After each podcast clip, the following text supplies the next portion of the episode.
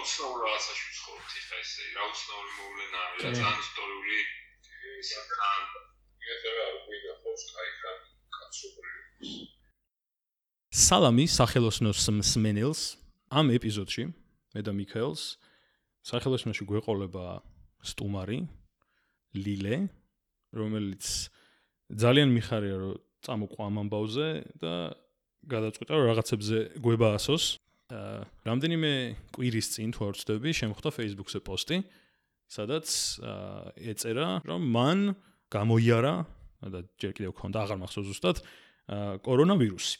და მაგ მომენტში შევამჩნია, რომ ჯერ ერთი დიდად არ შემხვედრია მსგავსი სახის პოსტები არც ზოგადად ქართულ სივრცეში, ანუ არ არ მინახავს რომ მაინც და მაინც რომ ვიღაცა ხალხი ვისაც ქონდა კორონავირუსი, წერდეს გამოცდილებაზე და ისეთ საერთაშორისოდაც მაქსიმუმ შენ თვითონ მოძებნო რაღაც თქვა ქორაზე დასვა კითხვა, როგორი არის და მე ვიღაცა წერს პასუხს, რომ აი ასეთი და ასეთია.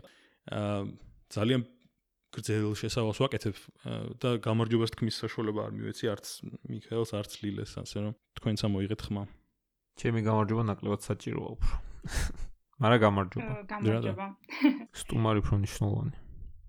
გამარჯობა. კაი ბატონო, ეხლა რაღაცები არის უბრალოდ რაც მაინტერესებს როგორ მუშაობს ერთის მხრივ, ანუ როგორ მუშაობს უფრო გულისხმობ, აი როცა ოფიციალურად ეგ სტატუსი მოგენიჭება, რა რა დღეში გადიხარ რა. აა და ნუ რა თქმა უნდა მეორე მხრივ თვითონ ფიზიკური მხარეც საინტერესო არის და თურმე როგორც კი დაწერ მსგავს სტატუსს, ეგრევე რაღაცა დონეზე გეცვლება რა ცხოვრება ან რამდენიმე დღით მაინც დღის განრიგი, იმიტომ რომ უცებ ძალიან ესე აგრესიულად ოღონდ არა არა სტანდარტული გაგებით, აი ძალიან ესე პირდაპირად გიკავშირდება ძალიან ბევრი ადამიანი. მოკლედ, ბევრი საინტერესო მხარე აქვს ამ რაღაცებს და სიმართლე გითხრა, არ ვიცი რომლით დავიწყოთ, მაგრამ ალბათ ყველაზე ადეკვატური, ყველაზე ლოგიკური იქნება, რომ ის გითხრა საერთოდ როგორ მოხდა, ანუ სავარაუდოდ ხო დადგენილი გაქვს, იცი საიდან გადაგედო კორონავირუსიდან როგორ მოხდა ეგ ამბავი? აა ხო, წეგან რო თქვი რომ ოფიციალურად რო გენიჭება კორონავირუსიანი სტატუსია, მანდ გამახსენდა ეგ რომ აა მე ღამე დამედგინდა კორონავირუსი უკვე ტესტის პასუხებს გვიხანდახან გვიან გეუბნებიან ან მეორე დღეს რა. და ღამე დამედგინდა და მეორე დღეს რო გათენდა მახსოვს რომ რაღაც გონი რომელიღაც ინტერნეტ გამოცემის სათაური იყო რომ კიდევ 8 ადამიანს დაუდასტურდა კორონა და ვახ მეთქი ერთ-ერთი მე ვარ 8 ადამიანში მოხდი ეგ მახსოვს ხო ოფიციალური სტატუსად შეეხება. ხო როგორ მოხდა და ჩეულებრივად არა პრინციპში არც ისე ჩეულებრივად ფილტვების ანთებას ვკურნალობდი ერთ-ერთ კლინიკაში და ისე მოხდა რომ საერთო პალატაში შემოიყვანეს ქალი რომელსაც ქონია თურმე კორონავირუსიანთან შეხება და არ ან არიცოდა ან დამალა და შესაბამისად მათთან მაგასთან ერთად კურნალობდით მე და კიდევ რამდენიმე ადამიანი ორი დღე. ანუ ერთ პალატაში იყავით შენ კიდევ რაღაც ადამიანი კიდევ რაღაც ადამიანი ისედაც ფილტვების ანთების გამო მკურნალობდი ანუ მანამდეც ანუ საკმაოდ ადრე გქონდა კორონავირუსამდე საკმაოდ ადრე არა აი მე მე რო ფილტვების ანთებით მოვხვდი უკვე კლინიკაში მაგროს ქალაქში მარშრუტკები აღარ მოძრაობდა. აა ხა და მარშრუტკები აღარ მოძრაობს ქალაქში მოვხვდი კლინიკაში ჭირთ თურმე ფილტვების ანთება ბაქტერიული და ხო, კუნო ფილტვების ანთებაზე და თან მეშინია, იმიტომ რომ ჰიპოქონდრიაკი ვარ. და ისე მოხდა რომ შემოიყვანეს ქალი, რომელიც თურმე ყოფილი კორონავირუსიანი, ჩემთან ერთად კიდე ერთი ფილტვების ანთებიანი მკურნალობდა. მახსოვს და ანუ ბაქტერიული არ არის საკმარისიო და და ის ქალი შემოიყვანეს სამოწყოფოში იმიტომ რომ იმაზეც ეგონათ რომ რაღაც ბაქტერიული ფილტვების რაღაც პრობლემა ქონდა. ხო აი ეგ არის ეგ არის რომ მაგასაც ფილტვების ანთება ქონდა სავარაუდოდ ეგ ეგონათ რომ ვირუსი ჭირდა შეულებრივი ეგ ძალიან საინტერესოა ზოგადად რომ თვითონ ქალაქი და ქვეყანა უკვე იმ დონეზე არის პანდემიის რეჟიმში შესული რომ აღარ მუშაობს საზოგადოებრივი ტრანსპორტი, მაგრამ რატომღაც პაციენტს ენდობიან სიტყვაზე, რომ არ ქონდა კორონავირუსიანთან კონტაქტი და პირდაპირ შეყავთ შეოლებრივ პალატაში. ანუ და რამე ტესტირების მეთოდი არ უნდა იყოს? ხო, იდეაში ტესტირების პროტოკოლი და ადმინისტრაციული მართვა ესე პანდემიის აღმოჩნდა რომ ძალიან აცდენილი იყო ერთმანეთს. ну ჩემ პრაქტიკაში რა თქმა უნდა შეიძლება სხვა დროს გაამართლა მიზნობრივმა ტესტირებამ და ну აშკარად გაამართლა რა. ამ ანუ წეღან წეღან თქვი რომ ვირუსი ეგონათ ქონდაო და ვირუსი ეგონათ ქონდა თუ ბაქტერია ანუ ბაქტერიული შენიზმე მიზეზით ეგონათ რაღაცა თუ კორონავირუსი ანუ კორონავირუსი არ ეგონათ მაგას ვამბობ? არა სხვა ვირუსი 1000 ვირუსი არსებობს. ხო რაღაცა ეგონათ. რაღაც ვირუსი ეგონათ მე მგონი. ეგეც არ ვიცი წესიერად ხო. მე რა ხდება ის რომ მე წერენ კლინიკიდან და ყველას წერენ იდეაში მაგ ოთახში ვინც ყავთ ყველა გაგწერენ კლინიკიდან და აა გწერენ ანუ გაგწერეს. აა ხო ბოდიში სხვანაირად გავიგე ხო, გამწერეს სახში ვიყავი 2 დღე და 2 დღის მერე საღამოს გირეკავს დაავადებათა კონტროლის ცენტრი, რომელიც გეუბნება, რომ ძალიან საყვარელი ხმით, რომ ანუ ცდილობენ რომ რაღაცნაირად შვიდად მოგაწოდონ ინფორმაცია, რა ქონდა კორონა, აი უბრალოდ დადასტურებულ შემთხვევასთან კონტაქტი. ხო, ნუ მე რა იქ სტატუსშიც მიწერია, რომელიც სავარაუდოდ უკვე ყველას აქვს ნანახი, რომ რა რეაქცია გაქვს მაგაზე, ეგ არის ხო მე ძალიან ცუდი რეაქცია მქონდა მართლა. არ ველოდი რომ ეგრე გამონერვიულდებოდი. თან რატომღაც აი რატომღაც პირველი რამდენიმე მეგობარს მივწერე და ვერ გავაცნობიერე რომ ამ პროცესებს რო გავივლიდი ხა იმათ ხო არ დავტოვებდი ესე რომ უიცი გადავყავარ კორონავირუსთან მქონდა კონტაქტი. ხო და მე ვერ მოვიფიქრე რომ მაგათთვის აპდეიტები უნდა მეცნობებინა რა გზადაგზა. ხო და თან მე თვითონ პანიკაში ჩავარდი, თან ბევრი ხალხი ჩავყარე პანიკაში. ჩავალოდი რაღაცეები სასტრაფოში დაურეკე. ანუ არ რეკავს დაავადებათა კონტროლის ცენტრის სასტრაფოში, შენ რეკავ დაავადება, ანუ სასტრაფოში და ეუბნები რომ ქონდა კორონავირუსთან კონტაქტი და თან გაქვს სიცხე ვთქვათ, ამ სიმპტომი. და გადაყავხარ ER-ში. ну, ჩემ დროს მასე იყო, იმიტომ რომ მაგ დროს ცხელების ცენტრები არ არსებობდა. ხო, შენ შედარებით დასაწყის ფაზაში დაგემართა ეგ, როცა ჯერ კიდე ცოტას ქონდა თუ ანუ კარგად ვერ იმას ქენი ეგ.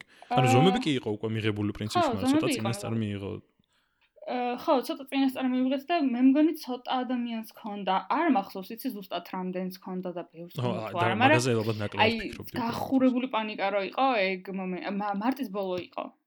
ხო, ხო, ყველაზე ისეთი ცხელი წერტილი იყო, ხო, მართალია. ხო, პიკი რო იყო პანიკის, მაშინ დამემართა. აი, სულ რო ყოველ დილით რო ჩართობი იყო საავადმყოფოებიდან და პრინციპში ახლაც არის ეგ, მაგრამ მაშინ უფრო ისე იყო, რომ ყოველ დილას ყველა ელოდებოდა და რაღაც და ხო, დასაწყისში უფრო ისეთი იყო აქტუალური, სანამ მივეჩვეოდით მაგ ამბავს. და აი პროცესი როგორ არის მე ანუ გაიგე, ანუ ჯერ ერთი ეგ ცოტა მეუცნაურება რომ უბრალოდ ინფორმაციას გაწვდიან და კაი, აბა შეხ შენიცი. ხო, არა გეუბნებიან იდეაში რომ თუ სიმპტომი გექნება დარეკე 112-ში.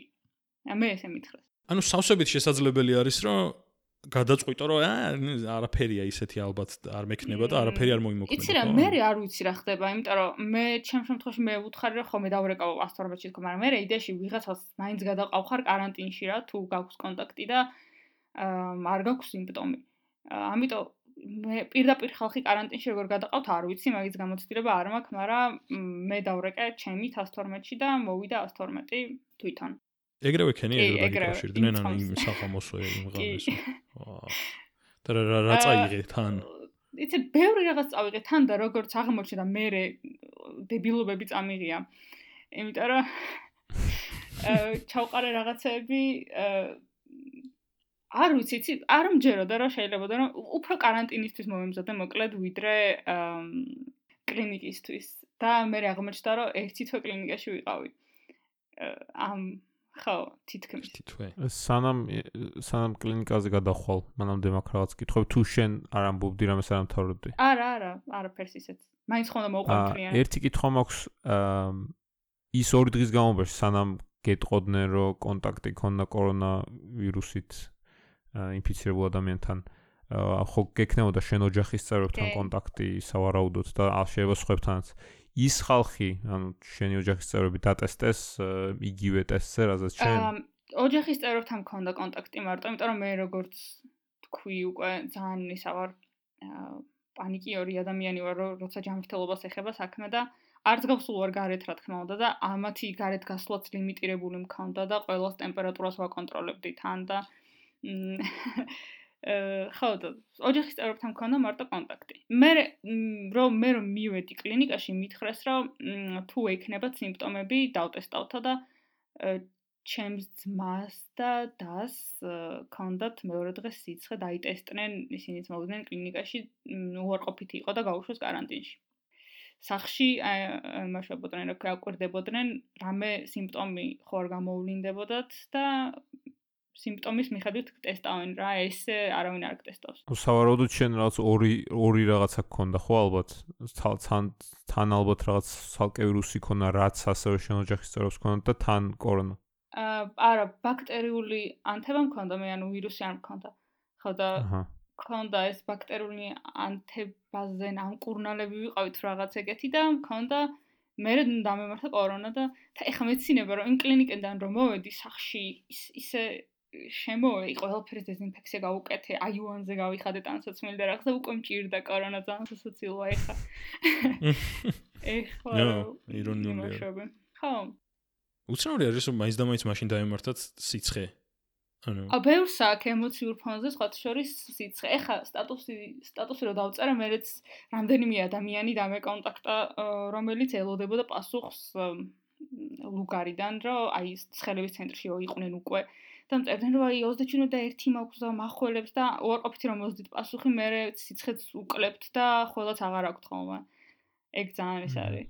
ხო უბრალოდ რაღაც რთული დასაჯერ ანუ მიუხედავად იმისა რომ ძალიან ცნობილი ფაქტია რომ ეხდება მაინც გიჭირს რა რომ ეგრევე მიიღო და დაიჯერო კი მე იმდენჯერ დამმართნია ეგეთი რაღაცა ყველა დაავადებაზე რაზეც ვიგებ რომ არსებობს მგონია რომ ჭირს. და ამიტომ ის მაქვს რა ქვია გამოცდილი ვარ მაგ საკითხში რომ ტვინს შეუძლია რომ მოგატყუოს ძალიან კარგად. თვითონ საუნდტროპოში მას შემდეგ რაც უკვე იცოდი რომ დაგიგინეს კორონავირუსი როგორი სიტუაცია დაგხვდა? ა ჩოულებრივი ეხა ეხა ვიძახი რა ჩოულებრივი მაგრამ მაშინ არაფერი ყველა დადის შეფუთული ყველა გერიდება რა თქმა უნდა არ გამოდიხარ პალატიდან. ყველაზე ცუდი არის ის დრო რომ ელოდები როდის დაგტესტავენ და მე პასუხამდე დრო რომ უნდა ელოდო, როდის მოგივა პასუხი. აჰა. ხო, მე აღმოჩნდა რომ უკვე პნევმონიაც მქონდა და ანუ შენ შემთხვევაში ტესტი უფრო ფორმალობის ამბავი იყო ვიდრე რაღაცა, იმდენად მქონდა სიმპტომები, მაგას ამბობ თუ? არა, ხო შეიძლება რომ ისე ძველი პნევმონია ყოფ. ანუ რავი, დამტესტეს ჩაოლებრად მე და ტესტის ტესტი რომ ამიღეს მე გადამიღეს CT scan-ი, ანუ კატე ზეძახიან აქ და ხო და მე ნახეს რომ იყო პნევმონია, რომელიც რენტგენზე არ გამოჩნდა. ერთი რაღაცა მაინტერესებს კიდე მანამდე ამბავზე, ა შენ თქვი რომ საუნდტროპში რამდენიმე ადამიანთან ქონდაო იმ ხო არა, მარტო მე მქონდა ბედნიერება რომ გადმომდებოდა კორონა როგორც აა ნუ ხო როგორც მე აღნიშნე მარტო მე ა ის რავი ეგეც საინტერესოა ზოგადად უცნაური ვირუსია როგორც მე გავიგე და რაღაცები წავიკითხე, უცნაურად ედებათ და არ ედებათ ხალხს ეს კორონავირუსი. არის შემთხვევები, რომ ცოლს ჭირს და ქმარს არა და რაღაც მსგავსი და არის შემთხვევები, რომ უბრალოდ ავტობუსში ქონდა ვიღაცასთან კონტაქტი და დაგემართა, ამიტომ. იმ პალატაში როცა იყავი, ვისგანაც გადმოგედა, ანუ ისევე იყავი იმ ქალთან კონტაქტში, როგორც სხვა ვიღაცები, ხო? ანუ უბრალოდ ერთ სივრცეში იყავით რაღაც კი, უბრალოდ ერთ სივრცეში მკურნალობდით. ვიწექით ერთ პალატაში ყველანი. მე ძირითადად თვითონ დაავადებასთან დაკავშირებით ალბათ მაინტერესებს ორი რაღაცა ყველაზე მეტად. შენ შემთხვევაში, ანუ ერთი არის ფიზიკურად, ანუ ვიცი რომ ძალიან ვარირებს, აი ძალიან რა, რაც რაც გამიგია რა, ინდივიდუალურად არის ვიღაცებმა ვიღაცები ვერც გრძნობენო და ვიღაცებისთვის ძალიან ისეთი ამ ძიმე არის. ერთი ეგ მაინტერესებს, ანუ შენთვის როგორი იყო და თან ან სხვებსაც ხო ალბათ ხედავდი ვინც კურნალობდნენ და იქ რა ვარიაციას ხედავდი რა მაგის და მე რომ მაინტერესებს რამე თუ იყო საინტერესო და აღსანიშნავი აი ეგ ერთი თვე რაც გაატარა იქ ანუ პირობები რამდენად სერიოზულად ეკიდებოდნენ რამდენად ანუ უბრალოდ დიდად არა მაგ წარმოდგენა რომ რამე ზეთ მეტად ზეთ უნდა ყოფილიყო უჩვეულო მაგრამ თუ რამეზე გაქვს რა რაღაც საინტერესო მაგრამ უფრო უფრო საინტერესო არის აი ფიზიკურად რა შეგრძნება არის მაგ დროს? ამ იცი რა უჩვეულო ჩაოლებრივი საავადმყოფოში მკურნალობისგან უჩვეულო ნამდვილად არის კორონა რო გჭირს და ეგრე რომ გუმკურნალობენ იმიტომ რომ მარტო ხარ პალატაში სულ ძირითადად 24 საათში ერთხელ არის ექიმის შემოვლა და ეგ თანს რო იძახებ იმან უნდა ჩაიცვას ჯერ ეკიპირება ძალიან ბევრი და მე ისე უნდა შემოვიდეს და დიდხანს არ უნდა გაჩერდეს შენს ოთახში, სუნდა ანიავო პალატა, იმიტომ რომ არ დაგროვდეს ეს კორონას ნაწილაკები და არ შეისუნთქან და ხო ეს არის რომ ძირითადად მარტო ხარ და ესეც რომ ხედავ პაციენტებს ეგრე არ არის იდეაში გესმის უფრო რა. ხო თხელი კედრები აქვს ჩვეულებრივი პალატა ძალიან არც კარგი არც განსაკუთრებით რა გესმოდა? აა ხოლება ძირითადად. ძირითადად ხოლება ხო და აი ტელეფონზე რო ელაპარაკება ხალხი ერთმანეთს თან იმასაც ნერვიულობ პირველი ორი კვირა ნერვიულობ იმაზე რომ აი შენებს ხო არ დაუდასტურდებათ იმიტომ რომ ორი კვირა არის ინკუბაციის პერიოდი და მე-13 დღეს უკვე ისე სუნთქავ რა რაღაც სუნთქავ ხო და ხო, ეგ ეგ ეგეც არის. მაგრამ მე არ მქონია რამდენიმე დღე მქონდა სუნთქვის პრობლემა. რამ მაგრამ ჟანგბას ხმარობდი მაინც ესე ჟანგბას ვიხმარდი სუნთქვისას. აა ხო, ფილტვების ანთება ჩაოლებრივად ჩაოლებრივად ის არის ვერტიგო აქვს ძალიან ძლიერი ეგ ეგ არ მქონია არასდროს ხო თავბრუს ხვევა და კოორდინაციის დარღვევა. ეგ არ მქონია არასდროს და ძალიან ის იყო რა ქვია. უცებ დამატყდა თავს და არ არის ახუმარო ამბავი აქამდე რომ ამბობდნენ რომ თავბრუ მეხოა და რაღაც. მეკონა რომ ანუ ანუ თავბრუს ხვევა. ვერტიგო არის საშინელება. ეგ უფრო მძაფრი აქვს ესე იგი ვიდრე ანუ შენ შენთვის ყოველ შემთხვევაში. ჩემ შემთხვევაში ეგრე იყო ზოგს, ხო, ჩემ. სუნთქვაზე რომ ამბობ. გულის ტკივილი. რა რამეს შეადარებდი, რაც შეიძლება თქვა ყველას არა, მაგრამ აი თუნდაც ფილტვების ანთებიანს კონდეს მაგის გამოცდილება ან რაღაც. აა თლად ვერა, იმიტომ რომ ისეც არ არის რომ იხრჩობი ეგეთი რაღაც არ არის. უბრალოდ ფილტვებზე და ზურგზე ერთდროულად თითქოს აი რაღაც კამარი გაქვს შემოჭერილი და რაღაცნაირად ქოშინი გაქვს რა. აა ბევრი სირბილის მერე რო ვერ აი ჩასმთქვა რომ გიჭირს რაღაც ეგეთი. აი წეველები რო ფეხბურთს თამაშობენ და მერე აი რაღაც ეგეთი გჭირს. ხო.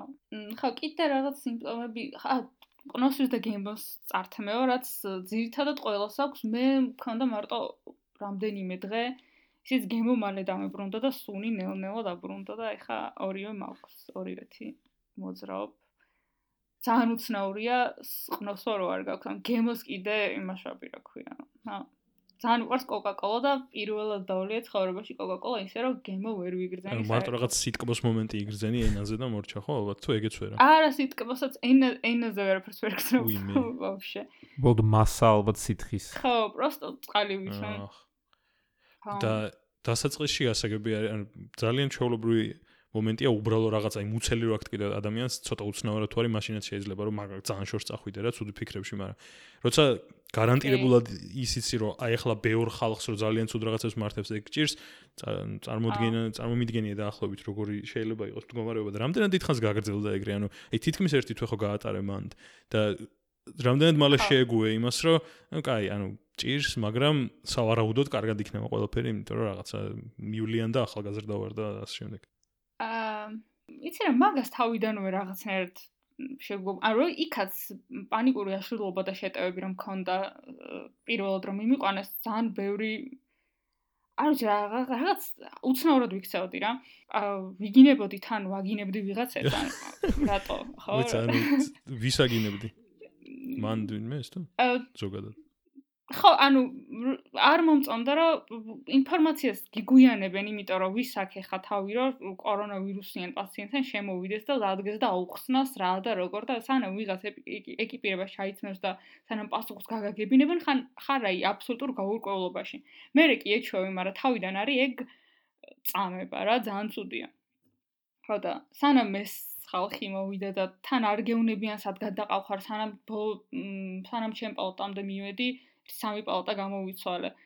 და ნელ-ნელა გიგროვდება და ბოლოს ამომასხა და მე მითხრეს რომ ნუ ნუ იგინები თან ტელეფონში მიგინებოდა ეხა ეხა რომ ვიხსენებ საერთოდ რომ არ ვარ მაგის გამკეთებელი არასდროს აღმოჩნდა რომ ყოფილა. ხო თან ძალიან ნუ იგინებიო. ხო ნუ იგინები პაციენტები წუხდებიანო და მეთქი თან რაღაცნაირად დავიკიდე ეგ და მაშინ რო გავაცნობიერე რა ხო ეხა პნევმონიას მეთქი გადავიტან თქო მე უფრო ცუდი რაღაცები გამოჩნდა მე რო წევხარ და კითხულობ ამ ყველაფერი რო კორონაზე წერია თან და თან შენც რაღაც სიმპტომები რო გეწყება, მე გუგლავ რა. რა თქმა უნდა და აღმოაჩენ რომ ჭირს. ხო, რა თქმა უნდა. შავი ჭირი. ხო, და აღმოაჩენ რომ ჭირს რაღაცა, რომელიც არავინ არ იცის ჯერ რა ხდება და როგორ. ძალიან გვიან ვიპოვე, აი ცა უკვე წერდნენ, როცა ვიპოვე რაღაც ჯგუფი Facebook-ზე, სადაც არიან აი ეს recovery and survivors რა ესე ქვია და უკვე გამოჯამრთელებული და ვისაც ეხლა ჭირს ეგ ადამიანები, აი ძალიან გვიან ვიპოვე. მანამდე არანაირია ესეთი ხო, არ ჩანს, ანუ მართლა არსად არ ჩანს. ამბობს რომ წერდეს ვიღაც რომ კორონავირუსი ჭირდა და რაღაც არ არ არსებობდა და სულ მაგას ვეძებდი. ძალიან უცნაური არ არის ეგ ისე, ანუ მე ან ზოგადად რაღაცა სიახლე რომ მოხდება დღეს, ეგრევე დაახლოებით იცი უკვე რა ტიპის პოსტები შეგხვდება რა. აი მაგალითად Starlink-ი რო გაეშვა, აი ეგრევე ხო ცალსახა იყო რომ რაღაცა მილიონნაირი ინტერპრეტაცია შეგხვდებოდა მაგ ვიდეოსი რომ რაღაც ვიღაცამ ქართული მუსიკა დაადო ვიღაცამ და ასე შემდეგ. და თესდებოდა და მაგაზე ეგრევე მოლოდინი მქონდა რომ აი ახლა ცოტა რომ ამოისუნთქავს ეგ ხალხი, სავარაუდოდ ძალიან წავა გაზიარება იმის, აი როგორი არის და რაღაცა პატარა community-ვით და ანუ საერთოდ საერთოდ მსგავსი არაფერი, ანუ საქართველოს კი არა თან საერთაშორისოდ მაინც ხო ჩანს ხოლმე, ნუ პრინციპში დასაწყისში ვთქვი ეგ, მაგრამ ცოტა უცნაურია რომ არსად ეგრე აქტიურად არ ხდება ეგ რა, ანუ უჩვეულო არის რაღაცით. აა რამდენიმე სტატია იყო, მაგრამ ხო იცი როგორი სტატიებიც აი New York Times-ის და New Yorker-ის და Washington Post-ი ხო Washington Post-ი რო წერს რა, აი მაგათ ავტორებს ვინც გადაიტანა და იქაც ძალიან ეხა მასეთ სტატიაში რა თქმა უნდა არ იწერება, რომ აი მესამე დღეს სიცხე მქონდა 37 და 7, ანუ მაგას არავინ არ წერს. წერენ ძირითადად რომ აი ემოციურად როგორ გრძნობდნენ თავს და როგორ გადაიტანეს ზოგადად გამოცდილება რა, experience. ხო და ეგეთი სტატიები არის. რამდენიმე ისიც. და ის რო აი დღიურივით ვის რა ჭირს და რა ეხარა სიმპტომი აღმოჩნდა და რაღაც მასეთი არ არის ხო ნამდვილად და ეს ჯგუფი ძალიან გვიან ვიპოვე და პირველ აი Facebook-ზე არ ვარ ხოლმე აქტიური და ეს არის მგონი ერთადერთი ჯგუფი, სადაც ეხლაც პოსტავ და ვაკომენტარ. იდეაში ანუ ეგეთი მასალა იმ ადამიანებს შეიძლება ნაკლებად სჭირდებათ ვინც ჯამრთელი არის მაგ მხრივ, მაგრამ ვისაც აქვს და ვინც გადის მაგ ემოციურ სირთულეს ალბათ ძალიან ეხმარება ეგ თუნდაც დღიურის სტილში რაღაცა ან ან უბრალოდ გაზიარება დეტალების რა, რომ აი სხვა თუ არაფერი კონტროლის შტაბეჭდილებას მაინც გიტოვებს რა, რომ აი იცი რა, როდის რა ხდება. დაახლოებით. მ ხო, ეგ არის. და თან მაგას იმიტომ აკეთებ მე მგონი, რომ ვიღაცამ წაიკითხოს. და აი იცის რომ აი როგორ გრძნობ თავს, ისე უბრალოდ რამ მდგომარეობაში აღმოჩნდი და დაგიწეროს რომ აი stay strong და რაღაც მასეთი სიტყვები, რომ აი აბა მალე გამოჯამრთელდი შენ იცი გაუზელი მეც ეგრე ვიყავი გამიარა ორი დღის მერე და რაღაც გავსი ისინი და კარგია, კარგად მუშაობს ეგ. ქართული ვარიანტი რო გქონდეს მაგისი, ეგეც კარგი იქნებოდა და გონი სტატუსიც მაგიტო დავწერე, რომ მოეწერა ხალხს რა. მე ბოლოს იმდენად შემოწუხა მაგან, რომ არავისგან არაფერი არ ანუ ამბავი არ მქონდა რა გაგებული კორონავირუსზე. მოყოლილი ეს ამბავი არ არსებობდა. აი მაგაზე სანამ გადავალთ მაგ გამოხმარებაზე ერთი რაღაცაც მაინტერესებს უბრალოდ ვერ პოულობ ზოგჯერ ამ ქართულ სიტყვებს ტაიმლაინი როგორ ქრონოლოგიურად დროითი ხაზე არ ვიცი აა ხო თქვი რომ ერთი თვე დაახლოებითო, მაგ ერთი თვიდან რამდენი ხანი იყავი პალატაში და რამდენი მერე უბრალოდ каранტინში. თუ მთლიანად ერთი თვე პალატაში და მერე კიდე каранტინში. მთლიანად ერთი თვე ვიყავი პალატაში. პალატა არის ბოქსირებული, მ, ხა, ბოქსირებული პალატა არის, სადაც ხარ სანამ ორი უარყოფითი პასუხი არ მოგივა. აჰა. და როცა მიიღე ორი უარყოფითი პასუხი. ანუ каранტინშიც ხო იყავი თუ ეგეც უბრალოდ პალატას გულისხმობდი რეალურად და ცალკე კიდე რამე სივრცეში არ ყოფილხარ. კი, каранტინშიც ვიყავი. მე каранტინში ვიყავი, იმიტომ რომ რომ წერენ ორი უარყოფითი პასუხის მერე მოდის ექიმი და გეუბნება რომ მიდიხარ თვითიზოლაციაში. მე არ მქონდა თვითიზოლაციის პირობები, იმიტომ რომ სახში ბევრი ვცხოვრობთ. და თან მეშინო და ანუ გეშინია რა ეხლაც ეხლაც დაანცუტა თუ არ სახში რომ მოძრაობ ვინმე ხვალებას რომ გავიგებ პატარა ის მაქვს ხოლმე. Heart attack რაღაც გული შეტევა რა რომ დავდივარ მინდა რომ გავქრენელნელად შევიწროვდა, იმიტომ რომ ჯერ კიდე საკუთართას აღიქვამ, რომ რაღაცა ეს ახარ უნდა მოერიდო. ხო, კი, რაღაც ბიოლოგიურია რა. ხო. ხო და ანუ ესე იგი იყავი მე კიდევ რაღაც პერიოდი თვითიზოლაციაში. ხო, მე ხო დამავიწყდა რა სპაბლატი. თვითიზოლაციაში უნდა გაგწერონ იდეაში, მაგრამ თუ არ გაქვს პირობები სახში, მოითხოვ რომ გადაგიყვანონ კარანტინში და გადაყავხარ რომელიმე სასტუმროში კარანტინში. და გადავიდი კიდე ორი კვირით კარანტინში. მე გადამიყვანეს საკონტროლო ტესტირებაზე და კიდე 3 დღე ვიყავი რომელიღაც ცხელების ცენტრში. ორი პასუხი ისე უარყოფითი მოვიდა და მე დაბრუნდი სახში. აჰა, ანუ ესე იგი ჯამში დაახლოებით თვენახევარი გაატარე და აქედან ორი კვირა იყო სასტუმროში каранტინში, სადაც ანუ უკვე მან საერთოდ აღარავისთან შეხება აღარ გქონდა თუ როგორ საერთოდ აღარავისთან აღარ გაქვს მან შეხება ხო? ანუ საჭმელს კართან გიტოვებენ პრინციპია ხო? კი, კი, საჭმელს კართან გიტოვებენ, იღბით უნდა აიღო. მ რაღაცების გამოძახება შეგიძლია ისე და ამოგიტანენ, მაგასაც კართან დაგიტოვებენ. ამანათიც შეგიძლიათ რომ გამოგიგზავნოთ. ჩემმა მეგობრებმა ძალიან ბევრი ამანათი გამომიგზავნეს საავადმყოფოში. რა გამოგიგზავნეს რამე ისეთი? თბილი რა გახსენდება? აა ლობიო რა თქვა ხა? ტორჩი დამალული ქლიბი. ხო, ბოლოს მართლა გამოხწევაზე ვიყავი და ზომავდი რომ აი ხარო გადავხტე აქედან რამე ხო არ მომიო კორონავირუსზე უარესი. ილუსტრაცია გამომიგზავნა ანანომ სხვათა შორის დამხატა როგორ ვებრძვი კორონავირუსთან. რამე რამე რამე ლინკი არსებობს მაგის რომ მოათავსოთ კი. დახასიათებაში. აა უი დახასიათებაში მოვათავსებთ მაგას კარგი. კარგი მაგას მაგას მოვათავსებთ დახასიათებაში. თან თან ანანოს ანანოს ილუსტრაცია საინტერესო ახავ იქნება ისე ზოგადადაც და მithumetes მაგის წარმოდგენაში როგორ ებრძვი კორონავირუსს ხო. აა კიდე ძალიან გემრიელობები გამომიგზავნეს დანარჩენმა მეგობრებმა. ეხა ისე გამოვიდა რომ ანანო ვთქვიდა დანარჩენები. აა ხო, კარგი.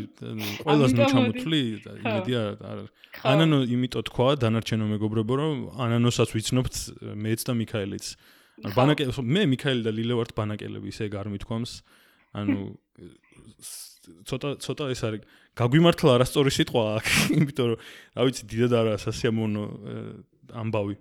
მაგრამ ხო ანუ უბრალოდ უბრალოდ რომ ვიღაცა ყოფილიყავი ვისაც არ ვიცნობთ არ ვიცი რამდენად ანუ ალბათ არ არ მომივიდო და იდეა ის და შეიძლება არც კი მენახა სტატუსი ანუ არც დაგთან ხდებოდით აუ ხო და ძალიან კარგად გადავალთ ახლა მაგნაცილზე მე მგონი ზუსტად რა. ანუ ყველაზე ერთ-ერთი ყველაზე ისეთი ნაკლებად რომ ველოდი და ამ დროს საინტერესო აღმოჩნდა ყველაზე მეტად ანუ შევადა რომ მოლოდინი და რეალობა არის ეგ. დაწერე სტატუსი და უბრალოდ აი შენ თვითონ გააგრძელე რა მოხდა მაგის მერე და როგორ ხო, დავწერე სტატუსი თან ძალიან უცებდა ისე. როგორც კი каранტინში შევედი, აა გადავივლე, იმიტომ რომ ძალიან კარგი იყო. წესიერი დასაბანი საშუალებები და მოწყობილობები და წესიერი ლოგინი, იმიტომ რომ ძალიან იღლებია პალატაში ერთი თვე მართლა. და ეგრევე დავწერე Facebook-ზე სტატუსი გავაშანშალე ამ COVID-19-ის, იმიტომ რომ ისა მეზარებოდა აი სტიგმა რა, თვად კი ვერ გრძნობდი ჯერ, მაგრამ უკვე გრძნობდი სანამ მოვედი სასტუმრომდე მძღოლმა დაგვარიგა გზაში, რომ აი ფრთხილად უნდა ყოფილიყავით უფრო და რაღაც ანუ ხო, ძალიან ცუდი იყო და მეთქი ეხა მომიწევს ამასთან ერთად ცხოვრება. თან Facebook-ზეც მანამდე ისეთ უსკ კითხულობდი, რომ ხო და მეთქი რა რაღაცო ბარემ დაუწერ რომ ჭირდა. ხო და რა პირდაპირ გავაშანშალე და მე ძალიან ბევრმა ადამიანმა ჩემთვის ყოველ შემთხვევაში ეგ ბევრია რა 1000 რაღაცა ჩემთვის ბევრია, იმიტომ რომ ძალიან არა აქტიური სოციალური ქსელი მაქვს ყველგან და აა გაზიარეს და მე ჟურნალისტებმა ამიტლეს. აი, ეგ ნაწილი მაინტერესებს ყველაზე მეტად მე. სიმართლე გითხრა. ანუ აი მაგალითი მოიყვანე, აი რამდენიმე მაგალითი რომ მითხრა, რანაირად გიკავშირდებოდნენ რა, აი ვინ რა გზა არჩია დაკავშირების შენთან. ზოგი ზოგი გიკავშირ ანუ რამდენიმე ის არსებობს გზა ზოგი გიკავშირდება ისე რა აი სტრელს რო გინიშნავს რომ ნომერი დაწერე და დაგირეკავ და რაღაც ეგეთი ვა ზოგი გიკავშირდება კაუნტში რო წერდნენ ხოლმე. ხო რაღაც ეგ ეგ ზუსტად აი დაახლოებით მაგრამ დელ დაწერე ბიჭო. თლად მასეთი ტონითაც არა მაგრამ ბევრი რო არაფერი უკლე ზოგი გიკავშირდება ისე რომ აი ცნობილი გადაცემებიდან იკავშირდებიან, რომ აქედან ვარ, ანუ სტატუსად იყენებენ მაგას, რომ აქედან ვარ და თოთ დაგუკავშირდეთ მე რამე ბანზი ემოჯი რაღაც საყვარელი.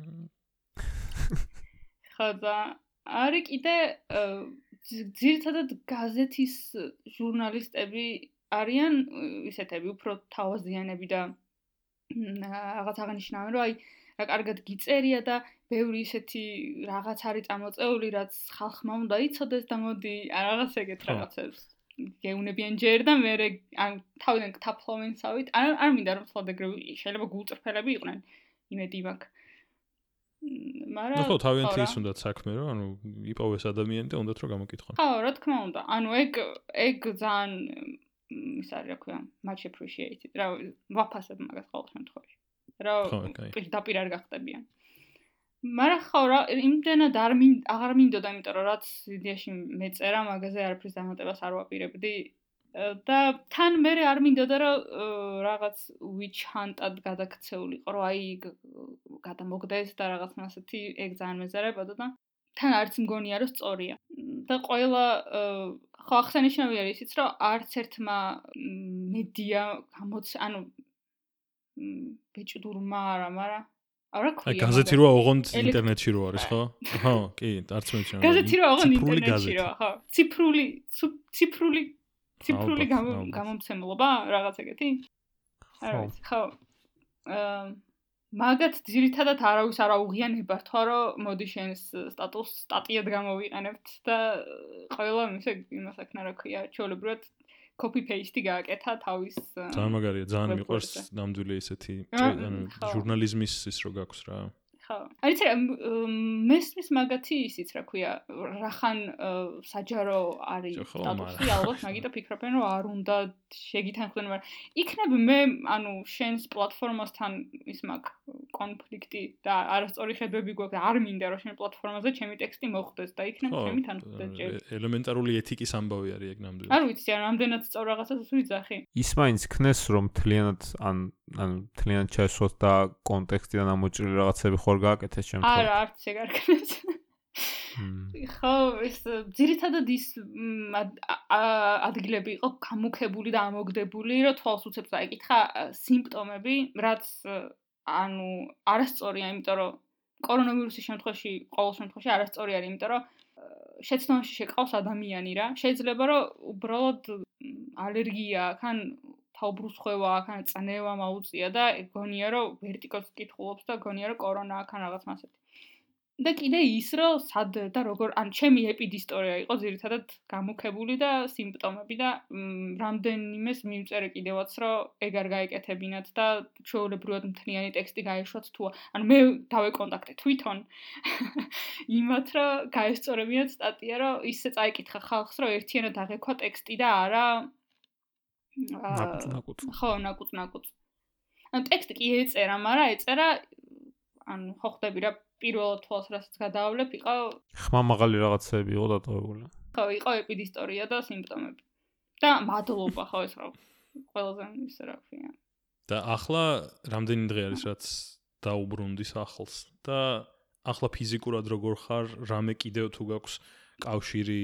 ა იმის თქმა მინდა რომ გამოჯანმრთელდა, ასე რომ ამბობენ სიტყვას ძალიან სასაცილოა ეხლა მეცინება, იმიტომ რომ ეს ერთბაშად არ ჯანმრთელდები სამწუხაროდ კორონავირუსის ყოველ შემთხვევაში ჩემი პრაქტიკა ეგეთია, რომ ორი კვირის მე ანუ ეს ორი კვირა ჯერ ძალიან ისეთი ვადა რატომღაც ყველა ელოდება რომ ორ კვირაში უნდა უკეთ გახდე და მე წერენ რომ ვაიმე რატო არ ხარ უკეთ და მე რა ვიცი შენ გაწყნარო თუ კორონავირუსი ხო, ძალიან ცუდია. ეხლა თითქოს ის გამოდის, რომ წუწუნებ, მადლობა ყველას, რომ მომიკითხეთ იქ პალატაში, მაგრამ ანუ ეგ ხო ეგ დასაწყისიც მინდოდა მეთქვა, რომ სხვებზე რომ მითხარი, აი უნდა ისინიც გამეთვალისწინებინო, ანუ შენი უბედურება როცა გაქვს და კიდე ცალკე იმაზე იფიქრო, ანუ აი ხალ მივაწოდო ეს ინფორმაცია სხვებს, ცოტა რთული ამბავი არის რა და მე მგონია მაგას ახლა მეგობრებისთვის ყოველ შემთხვევაში უნდა მეთქვა და გუშინ მითხრა სხვა შორის ერთმა ჩემო მეგობარმა რომ რო გავიგეო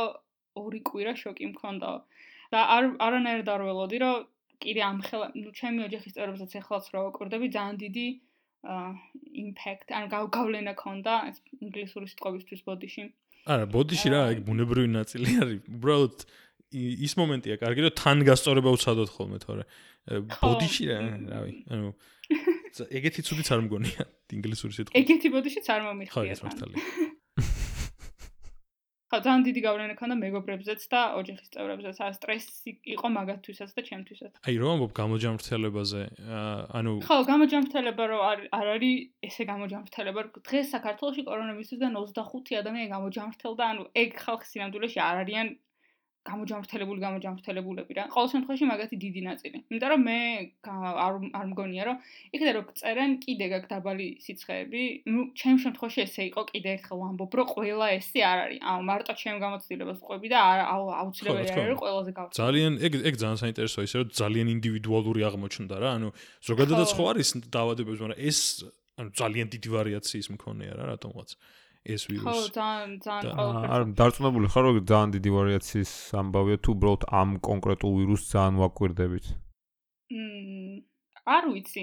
იმდენად აი ხმე ამ ჯგუფიდან მაქვს ძირითადად სხვა პაციენტებთან შეხება და ექიმებისგანაც ჩემი ექიმისგანაც მსმენია რომ ბევრნაირი გამოულინება აქვს და თან ეხა ფიქრობენ რომ მარტო ფილტვებზე არ აქვს არ მოქმედებს და მოქმედებს თავის ტვინზეც და გულზეც და ხო რა ვიცი. თან მე რაღაც კლუბები იყო სისხლძარღვებზეც მეც მქონდა პრინციპში რაღაც სისხლძარღვებზე პრობლემა. ვიცი რა გაუგებრობა რო არ იყოს ერთი მინდა რომ ანუ მაინც განმარტო.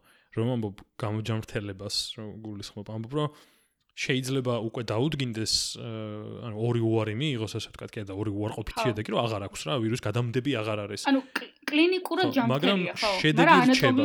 ანუ შედეგი ხო ხო ხო გასაგები ხო რაღაც კლინიკურად ჯანმრთელი ხარ მაგრამ ანატომიურად რაღაც სიმპტომები მაინც გაქვს რა. ან თავის ტკივილი გაქვს ანუ უცებ რომ გამოგიშოს ამ ტოპოდან და უცებ კარგად და მოხოდილი რო არ ხარ it's okay რა. ანუ არ უნდა ინერვიულო მაგაზე. ეგეც ნუ ექიმაც გამაფრთხილა და მე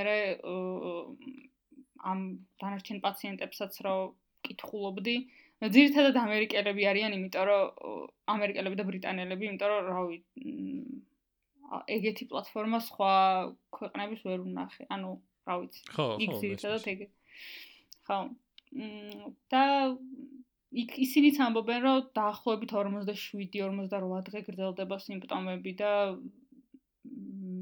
ზოგს მეტიც უკვე ზოგადად 47-48 დღე. ხო. ხო. ხო, ძალიან. ну, რავი, მე მგონია რომ შეიძლება ეხა ვიღაც ექიმი რომ ისმენდეს თქვას რომ დებილი ბავშვია, მაგრამ ჩემი ჩემი გამოცდილებით ეგრეა. ეხაც მაქვს რაღაც 37-37-1. ხანდახან გულის აჩქარებაც და რაც არ მქონდა რა რეალურად კორონავირუსამდე. და ისიც რა ქვია, თავის ტკივილი და მსგავსი რაღაცები ეხაც მაქვს. და მე შენ ზიღლები რომ აი ბოლომდე არ ჯამრთელდები არასდროს და თან ყველა გიკითხებ რომ აბა დღეს როგორ ხარ და ხო წარმოვიდიანია ხო. შენ ისე ვისე და ხო რა ის არის. ძა ყველასთვის დამღლელია იმად იქცევა რუტინად უკვე მაგაზე ლაპარაკი თან კი ხო მე მართლა კორონიანი. ან უბრალოდ ორგანიზმს რაღაცა რეაბილიტაციის ამბავი მიდის ორგანიზმში ან ისიც შეიძლება როგორც თავიდან თქვი ფსიქოლოგიური მომენტია ჯერ კიდე ალბათ შეიძლება შენში და მაგიტო თქვათ ახლა თუ რაღაც პატარა სიცხე აქვს მაგის ბრალი შეიძლება იყოს? იცი რა, არ გამოურიცხავ არც მაგას. მაგრამ გუშინ კითხულობდი ზუსტად რა ერთი ტიპი ყვებოდა რომ კიდე მაქვს სიმპტომები და მივედიო, მივახციო ექიმთანო და მითხრაო რომ მე მგონი ფსიქოსომატური არისო ყველაფერიო და ილანძღებოდა და ძალიან იმედგაცრუებული იყო რომ ახა ანუ ექიმებმა იმდენად არაფერი არ იციან რომ ყველანი ჩვენ ჩვენს ანუ ყველანი მარტო ვართ ამ ვირუსის წინააღმდეგო და ანუ არიან ბევრი ექიმი აწერს ფსიქოსომატურ მდგომარეობას, მაგრამ რა ვიცი, დამახშულებლებსაც ვიღებდი რაღაც პერიოდ, მაგრამ არ არ დიდად არ მოქმედი, ანუ მაინც გაქვს თავის ტკივილები და რაღაც. თან იმდენად ყოველას ერთნაირი სიმპტომი აქვს ამ კორონავირუსის მერე, ანუ ბევრს ემთხვევა და ჟაი თავის ტკივილი, რომელ მხარეს ტკივა, ეგეც კი ემთხვევა და ამიტომ არ მგონია რომ თლად ფსიქოსომატური იყოს. მაგრამ შეიძლება ეგეც. არ უნდა არაფერი არ იცის მართლა. რამე აა ანუ შენ სტატუსი უკვე ანუ ბლომად დაწერა მაგაზე და ალბათ ანუ პრინციპში სტატუსი შეიძლება ნაკლებად, მაგრამ ნუ ხალხს როგორც შეთვენას თქვი გამოეხმაურე და ჯგუფშიც წერდი, მაგრამ აა ისე ზოგადად ახაც აი რამე რჩევებს ან რამე თავარ მნიშვნელოვან რჩევას ან რაღაცა ისეც ხო არ იტყოდი იმ ადამიანისთვის, ვისაც შეიძლება კონდეს ან მაგის შიში, რო ხო არ ჭირს ახლა ეგ და ან ვინც იცის რომ ჭირს და გადის მაგას, ან გაიარა უკვე. რამე რამე ანუ რამე ზოგადად ირჩევა თუ გაქვს ან გამხნევება მაგასთან. რამე ზოგადად ირჩევა მაქვს ის, რომ პირველ პირველ რიგში უნდა იყოს შვიდად.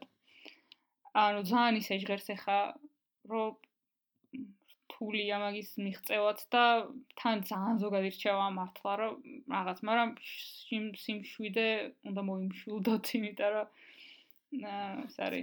ძალიან მნიშვნელოვანია აი რო ვერ წყნარდები და რო გონია რომ კორონა გჭირს და ეს ჰიპოქონდრიული შემოტევები რო გაქვს, ეგეც მანდაც მნიშვნელოვანია რომ დალიეთ მაინც დამამშვიდებელი იქნებ აგიოვაგდეთ ეგ სიმპტომები და ან იქნება ალერგია, ან მოკლედ ყველაფერი უნდა გამორიცხო ჯერ, იმიტომ რომ თლად ესე არ არის მოდებული კორონავირუსი საქართველოში, რომ ყველა სჭირდეს კონტაქტის გარეშე და კლასტერებსაც როგორც ხვდები, მგონი აკონტროლებენ, ну, თბილისში ყოველ შემთხვევაში.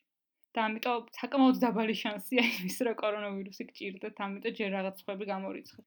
ძირითადად ვინც მე კონტაქტებოდა, ხო, ჰიპოქონდრია კი, აი ჩემნაირება მიპოვეს ძალიან ადვილად ამ სტატუსით და რო ვიცი რასაც გრძნობდნენ, ადვილად დავაწყანე, მაგრამ რამდენიმეს მაინც მოუწია, რომ ცხელების ცენტრში წასულიყო და იქ მე მიიღო უარყოფითი პასუხი და მე ეგრე უფრო მშვიდები მაინც გაიგრძელებინა ცხოვრება. კი, მაგრამ თქვა ცხელების ცენტრში მისვლა უსაფრთხო არ არის, იმიტომ რომ შეიძლება მან შეიძლება დაგემართოს რისიც გეშინია, ხო? ხო, ხო. ეხლა ეს ბოლოს რა კითხოს დაგისვი ძალიან კი გავს იმას რომ თითქოს აი ეპიზოდის დასასრულისკენ წავიყვანეთ მაგრამ ანუ რეალურად აა სხვა რაღაცებზეც მინდოდა ლაპარაკი. მაგრამ ხო ძალიან ძალიან იმ დღეს ვაუბნებოდი მეგობრს რომ არ არ მინდა რომ ვინმე რომ Google-ს მარტო კორონა related news-ები ამოუგდოს. იმიტომ რომ ის არის რა ქვია. ხო ერთ ზუსტად მაგ რაღაცის ანუ ეხლა რაც თქვი მაგის გამო იყო მე მგონი ან მანდედან მიქაელს მანდედან არ დებადებოდა იდეა მაგრამ მე მაგიტომ მომეწონა რომ გვეთქვა რომ კორონავირუსის პაციენტი იყო ლილე და მე რა გველაპარაკა ფეხბურთზე მთელი დარჩენილი ეპიზოდი. და ფეხბურთზე ლაპარაკი არ მინდა მაგრამ ერთი რაღაცა არის რაც მინდოდა ან ხელოვნურად არ ვარ გახოლმე შეიძლება ესეთი რაღაცების ცდა მაგრამ ძალიან მინდოდა გაგვეკეთებინა სეგმენტი მიქაელი სვამს კითხებს ჰარი პოტერზე. და მოდი ვცადოთ რა იმიტომ რომ მე რომ მოვისმინე მე მე რომ მელაპარაკა ერთი ორჯერ მაგაზე ძალიან მიხალის. ეხლა რაღაცა ძალიან ძალით ვთხოვდა შეიძლება არ არ არ იმთლად იდეალური აზრი. სხვადასხვა რამდენიმე კვირის წინ ეგ რაც თქვი ახლა უფრო სასაცილო იყო, იმიტომ რომ ახლა პირველი ჰარი პოტერი ნანახი მაქვს და დანარჩენი ჯერ კიდევ არა. ხო და მაგას გეუბნები პირველ პირველ ფილმზე არის კითხვები. როგორ როგორ მოახერხე რომ აქამდე ეხლა რამდენი ხარ? 25-ის ხო სავარაუდოდ? გახდება მალე გახდება. თითქმის ხო. როგორ მოახერხე რომ ამ თაობაში ხარ 24 წლის ხარ და ჰარი პოტერი ნახე გუშინ წინ იცი რა არის ზოგადად ბავშვობაში როცა უნდა გენახე ეგეთი რაღაცები მარტო უყურებდი ძირითადად უყურებდი ანიმაციებს იმიტომ რომ ანიმაციები ბევრად უფრო მხიბლავს სიმართლე რომ თქვა გულწრფელი იყო დღესაც. ანუ დღესაც ბევრად უფრო მეტ ანიმაციას უყურებ ვიდრე ფილმს. და აი ეგეთი ძალიან რო იტყვიან ქართულად არ ვიცი რა ქვია მაგას, აიკონიკ აა ფილმები. აა როგორც ამაგათა ტერმინატორი, რაღაც მატრიცა და ასე შემდეგ. არც ერთი ბეჭდების ზანებელი, არც ერთი არ მქონდა ნახი რა. და თქვა ტერმინატორი დღესაც არ მაქვს ნახი. მატრიცა ვნახე პირველ კურსზე რო ვიყავ მე მგონი მაშინ. და ჰარი პოტერი იმდენად ყველაზე უფრო განსაკუთრებული შემთხვევაა რომ აა ახლაც რო გულწრფელი ვიყო მე მგონი რაღაც იმდენად დიდი ხანი არ მქონდა ნახე რომ მე მუღამში შევიდა რომ შევედი რომ მოდი ვაფშე არ მქონდეს ნახე თქო და საერთოდ აღარ ნახე რა. მაგრამ ეხლა დაარღვია ეგ და მიხარია. მაგრამ ახლა დავარღვია და პირველი ნახე და აა ხო ფილმი არა. რა უცნაური გაზრდილი რო უყურებ ჰარი პოტერს პირველად ალბათ სხვანაირია ხო? ხო, არასწორი, აშკარად არასწორი. ну მე მაგალითად ხელახლა რო ვცადე ყურება სახიობობა თურმე სულ სხვანაირი რო ყოფილა ანუ ძალიან თეატრალური არ მახსოვდა ცოტა შოკი იყო ეგ რა ხო ბევრი რაღაცა ანუ თან მე ახლა რო უყურებ ის კი ვიცი რომ ძველი ფილმია მაგრამ უყურებ ახლანდელი გადმოსახედიდან რა და ძალიან ისეთი იყავი პირდაპირ ნუ გერიდება ანუ არ არაფერს არ გეტყვით ცუდს მაგარი ბანზი არა ბანზი არ არის უბრალოდ ვეცდებით ყოველ შემთხვევაში ხო რა ძალიან ისეთია. ანუ ბავშვობაში რომ ენახა ალბათ მომეწონებოდა უფრო. ასე ვიტყვი.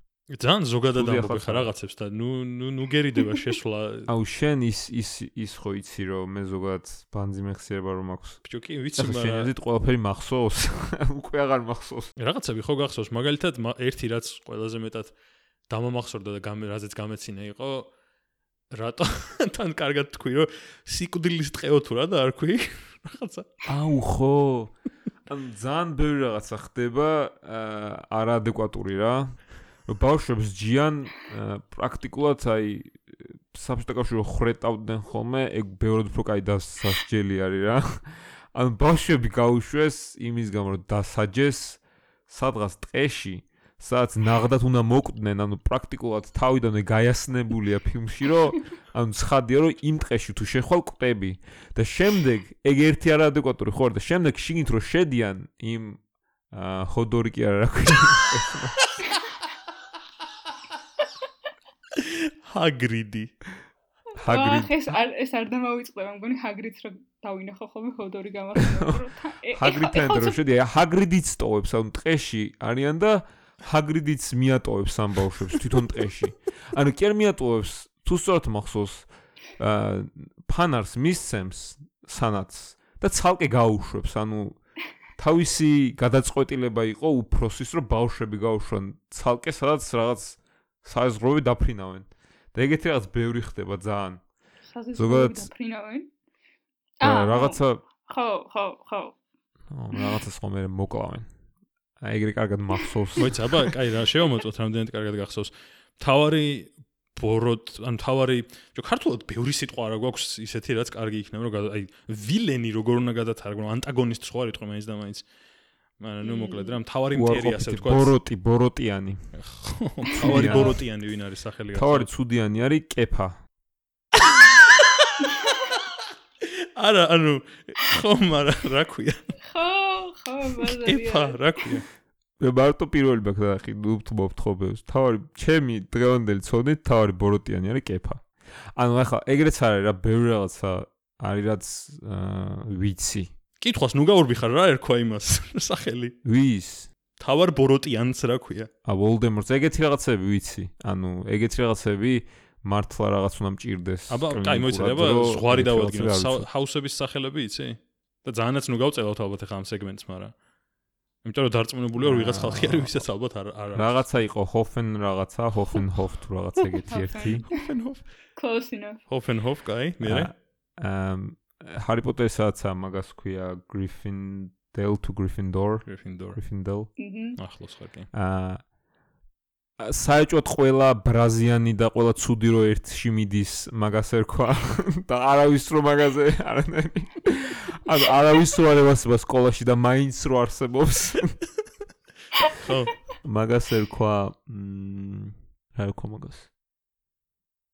4 hours later აღარ მახსოვს? კაი აღარ გახსოვს და რამდენი ჰაუსი იყო? 4 4 ჰაუსი რო იყო ეგ კი არ მახსოვს. 4 წება მაგიდები რო იყო სასადილოში თუ იმაში ეგ მახსოვს და მაგისგან დავადგინე რომ აუ ალბათ სხვათა შორის მ, რახან ბანაკში გავიცანეთ ერთმანეთი და ბაქსუჩი მქონდა ეგ შეგრძნება რომ ძალიან გავდა რაღაცით აი იმით რომ ჰაუსები იყო და ქულებს ანაწილებდნენ და თან 4 დიდი მაგი და 4 იყო ხო? აუ გააჩნია წელს და ხო, ნაკადს და მოკლედ დიდი მაგიდებით რაღაცით გაუდარა მაგ მოწყობით და თან იმ წელს გონი ბრიტანული ის იყო და ძალიან გავდა რაღაცით ჰოგვორტს და თავიდან რომ მივედი მახსოვს რომ აა ბევრი ის აღმოაჩინა და მიხარდა. ბრიტანული ბენდების სახელები ერქვა და 2/3 არ მქონდა მე გაგონილი პირადად. მე ვიყავი ძალიან ძალიან ისეთ ბენდის აა მაში რა ქვია ჰაუსში ტრევისი რომელიც ერთი ერთი სიმღერა მქონდა მაგათი მოსმენილი და იქ ყოფნისას გავეცანი მაგათ იმას რა ქვია. რაზე ლაპარაკობ? ჩემ ჩემ ჰაუს ერქვა snow petrol ანუ. ანუ ჩემი აზრით დანაშაული არის რომ იმას ამბობ რომ შენ ჰაუს ტრევისი ერქვა და იმას არ ამბობ რომ შენს ლიდერს ტრევისი ერქვა და ანუ რა თქმა უნდა მაგიტო დაარქვა ჰაუს ტრევისი. აა, ხო და ბარემ რადგან უნივერსიტეტებზე ლაპარაკობდით და სასწავლო დაწესებულებებზე როგორიცაა ჰოგვორტსი. ჩვენც ჩვენც ჩვენი ჩვენი ჰოგვორტსები ხო? ასე ოსტატურად ძალიან ანუ უბრალოდ ძალიან მინდა რასაც შევეხოთ რა. ძალიან ბოჯოთ იმენა, მაგრამ ხო რა მექნა რა- რაღაცნაირად ხო ნაგ აგიტოვებს ხვაშან. აა არა მო- მოусმენდი ალბათ აა, სტუმარს მიქაელ კი, კი, მა- სტატიებით აა, შემხვდა მიქაელ მერე მარ- მაგარი. ინტერვიუ გამოართვა კი, მო- მოусმინე ნამდვილად. აა, ამორთო თუ ჩამოართვა. არ ვიცი. რა ანუ რომელიღაცა აიღო. ინტერვიუ აიღო. აიღოს აქვს ხოთა შორის უნდა აღნიშნოთ. აა, სამწუხაროდ ეგ ჩვენ ჩანაწერებში ვერ მოხდა. ანუ მარტო მეორადი ის მოხდა რომ ლაპარაკობთ მაგაზე. აიღოს აქვს ძალიან ბევრი მნიშვნელობა მე მგონი ერთ-ერთი ყველაზე მეტი მნიშვნელობა აქვს ქართულ ენაში და კიდე ყველაზე ბევრი მნიშვნელობა რას? აი ყველა ბოდიში გაწყვეტინე მნიშვნელობა როგორც ესეთი არა, მაგრამ ვაიმე არის უნივერსალური რაღაცა. აი აა, ანუ კარგი ცუდი კარგი, ცუდი, ხო. გაგიხარდა, ყველაფერი, უი, ვაი, აი ყველაფერი საერთოდ. რო არიცი რა უნდა თქვა, ვაიმე შეგიძლია რა თქვა, იმიტომ ხო რომ ძალიან ნეიტრალური დიალოგურად საქმე კი. მაგრამ რაღაცა გიოსპონტია სახელი რო არის რომ გიო უნდა დაუძახო ვაიმე. შეგიძლია. მოხევეები თუ უსმენთ აა, ამე არის ეგეთი სიტყვა ასე კაი გავიაროთ ეს აა ვიღაც მოხევე რო უსმენს და yes, ეგეთი რო არის. არ მგონი. მაგის მუღამი ყოველთვის მქონდა ხოლმე რაღაცა ე, შოუებში რომ ო არ არის ეს საინტერესო რაღაც შოუებში უბრალოდ იციან ხოლმე აი რომ გაიაზრებენ რომ ვიღაცა ესეთი ტიპის უსმენს ალბათ და მა- მაგისთვისაც რო აკეთებენ კომენტარს მაგრამ ე, რა მნიშვნელობა აქვს გეპეიზე გველაპარაკე მოკლედ აა აა ხო. ორ საიდან უნდა დაიწყო არ ვიცი რა რა- რამე რამე რა გაგახსენდა როცა მოისმინე ეპიზოდი იმიტომ რომ ანუ კი არ მინდა რომ რაღაცა ხელოვნურად შემოვჩურთო რა ეს თემა უბრალოდ მე მომწონს ის ფაქტი რომ ამ რაღაცაზე რაც მეტი ადამიანი ასეთ რაღაცაზე ილაპარაკებს და რაც მე უფრო მეტად გავიგებთ რა რატომღაც სხვებისგან მე მიწევს სულ ეგეთ ტაბუ რაღაცებზე ლაპარაკი, ხან კორ. ხო რა გინდა გეპეი. ხო, ის ვარ. მაგრამ არა უშავს ანუ პირველი სტუმარიც საკმაოდ ისეთი იყო ტაბუ დადებულ თემაზე ლაპარაკობდა და ამიტომ ანუ უკვე თემას ვაგრძელებთ ხო, თან გეპეი ისეთი ტაბუც არ არის. იმიტომ რომ არავის აა, სხვანაირი წარმოდგენა გეპეიზე არა. ხო მაგრამ მე მაგის გამო იქნება რაღაცა მისტიკა რომელიც გამოც აღარ იცი ანუ თან რა დონეზე იქნება მისტიკა იცი ანუ ჰაერზე კი არ მომავალ სიტყვას რაღაცები არის რაც მითებად ვიცი და აღარ ვიცი მართალია თუ არა მაგალითად მსმენია ქალზე რომელიც ლიფტში არის კი, მართალია. მართალია. approved მოიცა მო- მაგაზე ანუ მე ჩემი ვერსიას ვიტყვი სკამი აქვს ამ ლიფტში თავისი და მაგაზე ზის და თუ გჭირდება რომ ამ ლიფტით იმოძრაო, ეს ქალი არის შენი მძღოლი პრაქტიკულად. აიცი რა, მე მაგ ლიფტში არ ყოფილვარ, იმიტომ რომ საერთოდ სხვა корпуშია ეგ ლიფტი. და თითქმის მე ვისაც ვიცნობ, არავინ არ ყოფილა მაგ ლიფტში, მაგრამ ანუ ეგრეა კი რა. იმიტომ რომ ყავს ადამიანები ნანახი ვინც იყო და ნახა ეგ ქალი და თან ეს არის რა ქვია მე ამ ქალზე ძალიან ბევრი ლეგენდა ვრცელდება რომ ყოფილი ლექტორია თუ რაღაცა, აი ბევრი რაღაც მაქვს მასმენი. არა, არა, არ არის მართალი ცალსახად, მაგრამ ნუ ბევრი ეგეთი მითი არსებობს მაგალს. ხო და წეღარ რომ მეუბნებოდი რომ აი GPI-ს ეგველაპარაკეო, პირველი რაც გამახსენდა, პირველი ჩემი GPI memory არ არის GPI-ში მომხდარი. ეხ არის მე-12 კლასში ვიყავით და დირექტორმა დაგვიბარა მე-12 კლასელები რომ გაგვსაუბრებოდა რომ აი ცხოვრებაში რას ვაპირებთ ამის მერე და ვინ სად აპირებს. და ყველამ ჩამოთხოვა უნივერსიტეტები, რა თქმა უნდა, თავისუფალი, რავი, აგრარული აგრარული. ეხა კი ნაღამ ძალიან დებილი ადამიანი შეიძლება და აგრალური თქვი და ისა. ხო კინო კინო აგრალური ხო და ა ბენდუკიძე ტაქსისტებმა ეგრე იციან ხოლმე ხო ხო ხო. ხა და ზოგმა ის თქვა ზოგმა ის და ჩემი ჯერი რომ მოვიდა მე ვთქვი საქართველოს ტექნიკური უნივერსიტეტი მეთქი და დირექტორმა მიპეს ხო უი რატო შვილო აი აი ხო და ეგ არის ჩემი პირველი მოგონება ტექნიკურ უნივერსიტეტში. სასიამოვნო მაგრამ- ხო და კიდე ის რომ პირველად რომ მივედი გამოცდაზე დავიკარგე. ნუ მაგრამ ეგ არის ეგ ყველა საერთიანებს, ვინც პირველ корпуში პირველად მივიდა, ყველა იკარგება, მე მგონი ეგ არის მაგია მაგ შენობის და სასწაული შენობა. ეგ ეგ არის მართლა 10-დან 10 ტოპში. ციდან თან შენ არქიტექტურაზე ხარ, ასე რომ შენ შენ მოგეკითხება ეგ. ხო, ა იმიტომ ჩავაბარე ტექნიკურ უნივერსიტეტში, რომ არქიტექტურას მინდა და სწავლა რამე კონტექსტი რომ ივცეთ ხალხს, რომ რატომ წახვედი მანდ? ხო. არა, თან არ არის ეგეთი ეგეთი ცუდიც არ არის. ა- ალბათ სადღაც არის ეგეთი ცუდი, მაგრამ არქიტექტურის ფაკულტეტი ა- არ არის ეგეთი აი მითები რო დადის რო ბავშვებს მართლა ჭამენ?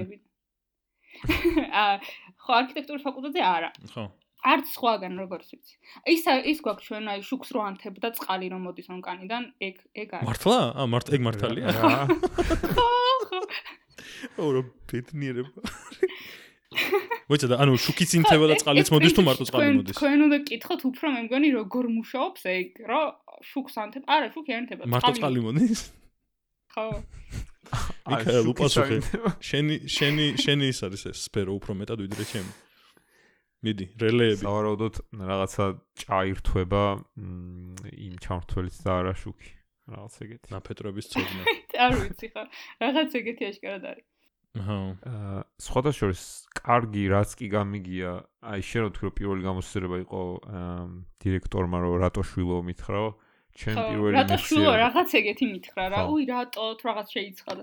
ჩემი პირველი აა იმაში მეხსიერებაში პირველი რო გავიგე რაღაცა GPS-ის აი რომ მამაჩემ მითხრა მე ვკითხე GPS რატო ნუ GPS ახლა რო ეძახით არასწორი გიგივე რომ სასოფლო დაუზახდა რომ ხო მაგრამ ხო მაგრამ GPS უხდება სხვა შორის აგრარულმა თუ გახსოვთ სტულს ჯობია რომ GPS დაუძახო და და ხო საქართველოს ტექნიკურიც ძალიან გეზარება თქვა.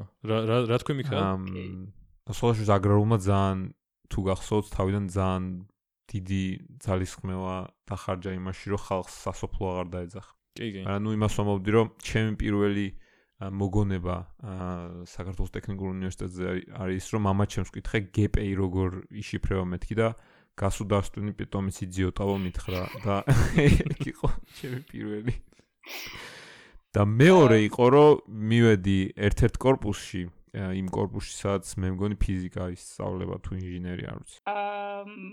აა რომელი სად არის ეს არის საკაძის ძეგლთან ოღონდ ესე იგი რო უყურებ კპ-ის შენობას ხელმარჯვნივ რომელი შესასვლელიც არის. აი რესტორანისაცაა გახსნილი. აა აა ხო ხო ხო მანდ არის ძირითადად корпуსები პირველი არის ხილიანზე უბრალოდ. და ხო მე მანდ მარტო გეოდეზია მე მგონი ვიცი ვიცი მიქაელი რასაც იტყვის ახლა. ძალიან ჩემი ერთ-ერთი უსაყვარლესი როგორც მანდ როგორც ფიზიკის მესამე ტურში გადასულ ს თუ რაღაც ეგეთი აა ბავშვები დაგვიბარეს ძალიან ცოტა გადავედით ყოველთვის ეგრე ხდება ხოლმე და რაღაც 1-30-მდე ბავშვი დაგვიბარეს მანდრო რაღაც ახალი რემონტი და ახალი ლაბორატორია გვაქვსო და რაღაცა ლექციები წაგვიკითხეს რა. და ნუ რემონტი როგორც ხდება ხოლმე საქართველოს აი ლამინატი რო არ და რაღაც უფრო იმას რო გავს რა ქვია აა რა ქვია მას ბატუც თუ რაღაც ეს რო ქანაობს ლამინატი დაგება. რაღაც მომენტში რომ ამობურცულებია და ხო ხო ხო იკეცება. მაგრამ ნუ კიდე არა უშავს. ყველაზე მეტად ძალიან გამეცინა იმაზე რომ ოთახის ნომრები იმის მაგერად რომ დანომრილი ყოფილიყო უბრალოდ წარწეთ რომ ეს არის 015-იან ეს არის რაღაცა 300 მე რაღაცა ოთახი. იყო 7 სეგმენტა ინდიკატორები გაყვანილი, 7 სეგმენტა, ხო, 7 სეგმენტა ინდიკატორები გაყვანილი და მაგით იყო კვება იყო თითოეულ კართან მიყვანილი, რომ ეგენი აენთოთ რა და თვეში რამდენ რამდენჯერ ცვლიან ამ იმას რა ქვია დანომრის სტრუქტურას ამოთახების ვერ ხვდები რომ ეგ ეგ დაჭირდათ ან მაგაში ფული რატო უნდა ხარჯო არ მესმის. რატო არ შეიძლება უბრალოდ დააწერო ოთახს რომ აი ეს არის მერვე ოთახი იმის მაგალითად რომ აინთოს მერვე. ეხლა ალბათ აწერია უკვე. დაიკიდებდნენ მაგას ძალიან მალე. შეიძლება. აა ეცა. ანუ ვიღაცა ეხლა ამაზე იტყვის რა ეხლა რატო რატო ახურებს დამატებით რა, უხარია ტექნიკური არის და ტექნიკის ის უნდათ. რა ქვია მაგას. აა ხო შეიძლება. მე მე მგონია არ ვარ მაგ კორპუსში ნამყოფი. ხო, ну, ბუნებრივია რომ ბევრ კორპუსში არ ვარ ნამყოფი, იმიტომ რომ ძირითადად ჩემი მოღვაწეობა პირველ კორპუსს არ ცდებოდა.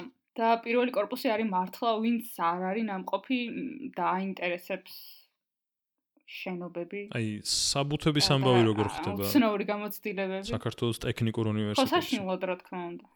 აა, რამე რამე გახსენდა. ახლა ნახე არ მინდა რომ არ მინდა რომ თქვა რომ მე თომ ძალიან ბეჯითი სტუდენტი ვიყავი, საერთოდ არ იყო ეგრე. ანუ არანაირად, მაგრამ ადმინისტრაციულ რაღაცებზე მგონი მაინც მაქვს უფლება, რომ რაღაცები ვთქვა, იმიტომ რომ აქვე ვიტყვი, რომ რამდენიმე ძალიან კარგი ლექტორი შემოხდა მაგ უნივერსიტეტში, ვინც განაპირობა, რომ ისეთი ინტერესები მქონოდა და ეხლა რაც მაქვს ის პროფე ანუ ის მეკეთებინა, რასაც ვაკეთებ. მაგრამ ხო მახსოვს, აი ეს თქვენი ნასავით რა ქვია რესპონდენტივით მეც მქონდა ეგ შემთხვევა რომ გრანტი ავიღე და რატომღაც გადავიხადე ნახევარი წლის საფასური მიუხედავად იმისა რომ გრანტი ავიღე იმიტომ რომ ეგ მგონია რომ ზოგადად საქართველოს პრობლემაა რომ სანამ გრანტებს გამოაცხადებ მანამდე ბავშვებს რატომ უნდა გადაახდევინო სწავლის საფასური. ანუ მოდი რა ისე ქენი რომ ისე გამოაცხადე გრანტი რომ სწავლა მერე დაიწყოს და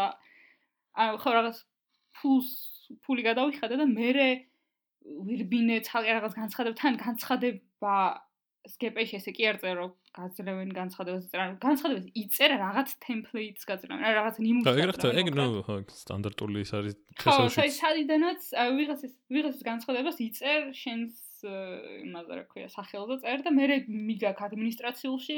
ოღონდ პირველი და ადმინისტრაციული შორსი ერთმანეთისგან და თან ისე ისეთი მანძილია რომ ვერ გაირიბენ რა ბევრი ხალხი დადის. ამ თითქოს არ არის შორი მაგრამ პეკინიდან საკადის მოედნამდე in real time აი რაღაც ნამდვილ ცხოვრებაში რომ დადიხარ საკმაოდ შორია იმიტომ რომ საცობებია რა ხალხის. ხოდა ესე დადიხარ მე იქ მიგაქ იქ 1000 ოთახში შედიხარ და ყველას ეკითხები რომ ისედნა მივიტანო ყველა სხვადასხვა ოთახში გაგზავნის რა თქმა უნდა.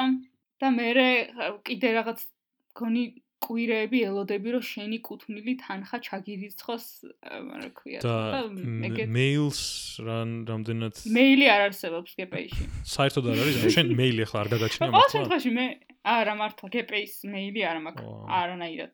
ეხლა კაი კარგი ხანია არ ყოფილვარ უნივერსიტეტში მაგრამ არა მეიჭვება რომ შეცვლილიყო რამე აა უცებ იმიტომ რომ რავი მე რომ ჩავაბარი იყო 2013 წელი მაგ დროს არსებობდა უკვე მეილები და სხვა უნივერსიტეტები წარმატებითაც იყენებდნენ და მე არ მქონია მეილი საერთოდ ისიც არისო რა ქვია ყველა სტუდენტს ხო თავისი ის აქვს გვერდი რო შედიხარ სისტემაში არ ჩვენ ჯგუფის გვერდი გვაქვს Facebook-ის ჯგუფი? თუ? არა, ჯგუფი, ან მარტ თელი ჯგუფი წერია რა. ანუ მე როგორც ახლა მოვაჩინე ვიღაცა მეილიაში ჩააბარეს ჩემო მეგობრებმა და იქ იქიდან გავიგე რომ ყოველას ცალკე აქვს პერსონალური ანუ ყველა ყოველას კულებს და ყველაფერს ხედავს? ხო, ხო. ეს ინფორმაციას ხედავ ჩვეულებრივ. ვინ ვინ რაშია სუსტი ყველაფერი იცი. ეგ ზოგადად მე მგონი რაღაცა human rights რაღაც კოდექსში არ შედის ეგ ხო მართლა ოღონდ. დარღვევა. არ ვიცი, მე ჩემ დროს ეგრე იყო მართლა. ისიც ისიც არის. ხო, ეხა შეიძლება გამოსწორდა რაღაცები, იმიტომ რომ რემონტია სულ კიდე, ეგ მახსენდება გეპეიზო რემონტი მახსენდება, რომ სულ რემონტია. არ ყოფილა წელი, რომ რემონტი არ ყოფილიყო. კარგია, ანუ ზრუნავენ შენობაზე რა გინდა. სულ ერთი და იგივე სართულზე რემონტი. აუ ალბათ რა ფული კეთდება მაგრამ რემონტით წარმოგიდგენია. ალბათ შემოსავლის წყაროდ არის ქცეული რა ვიღაცების. ალბათ მოაკლებდი და იგივე ვიტყოდი. მართალი. ალბათ არა ხო. ახლა ის სიახლე, ახალი სიახლე. ხო, ახალი სიახლე, მაგრამ კაი, ბოდიშ მოპატიეთ. უი, ჭავჭავაძის აბრების ის ნახეთ? მიწის ქვეშ ჩასასვლელ ლიფს წინ აქვთ აბრა დიდი, რომელიც იმხელ ადგილს იკავებს, რომ აბსოლუტურად არ არის საჭირო, მოკლედ, ძალიან ცუდი. არ ვიცი რა ზემო წარმოგიდგენია. აბრა არ მინახავს, მაგრამ მე ის ვიცი. აბრა რომელიც დგას იმაზე ტროტუარზე დგას ალბათ ჩასასვლელი და გაჩვენებს რომ მიწის ქვეშ ჩასასვლელია. შავი შავი დიდი რაღაც. ხო. მაგრამ ყველაზე ნაკლები პრობლემაა, იმიტომ რომ ხო დააგეს ნახევარ ჭავჭავაზე და ხო მორჩნენ იდეაში. და აღმოჩნდა რომ თურმე სანიაღრო სისტემა დაავიწყდა და ეხა ხელახლა გათხარეს. აა იქ ცოტა შეუძლებელია მგონი. სანიაღრო სისტემა რო დაგავიწყო. ხო, მეც ეგრე მეგონა, რა ვიცი. როგორ გადავიდეთ ამაზე? მე მე მე დავიკარგე. ფაქტია რომ ეხლა რო ჭავჭავზე გაია რომ ამოჭრილია ხელახლა რაც უკვე დაგებული იყო და ხო, ხო, აშკარად რაღაც დააფაქა. იმიტომ რომ გულმოდგინეები არიან, რა გჭირთ? ხო, ბოდიში. აქ აქ სანამ ეგეთ რაღაცებს ველაპარაკობ, მინდა რომ აღონიშნა რომ ძალიან მაწუხებს პარლამენტის წინ გომი არწივი და არ შევეგუები არასდროს. ზოგადად ეგ შენობა მე მგონი ახალ შენობებიდან ერთ-ერთი ყველაზე მახინჯი შენობა არის თბილისში. ეგ ყველაზე კარგი აღწერა რაც მომისმენია მაგ შენობის და არ ვიცი ვისგან შემხვდა პოსტი ნახე წლების წინ იყო აი დარენდერება რო ჯერ არ არისო დასრულებული რაღაცა მაკეტის თუ პროექტის რა და როგორც გაჩვენებს ჯერ ან ბოლომდე სანამ პროგრამა დაამუშავებს ამ 3D Max-ში თუ რაღაცაში აწყობილ სურათს, აი ზუსტად ეგეთი არის რა. ძალიან ძალიან სულ ფაქტურა არა აქვს რაღაც მოკლედ.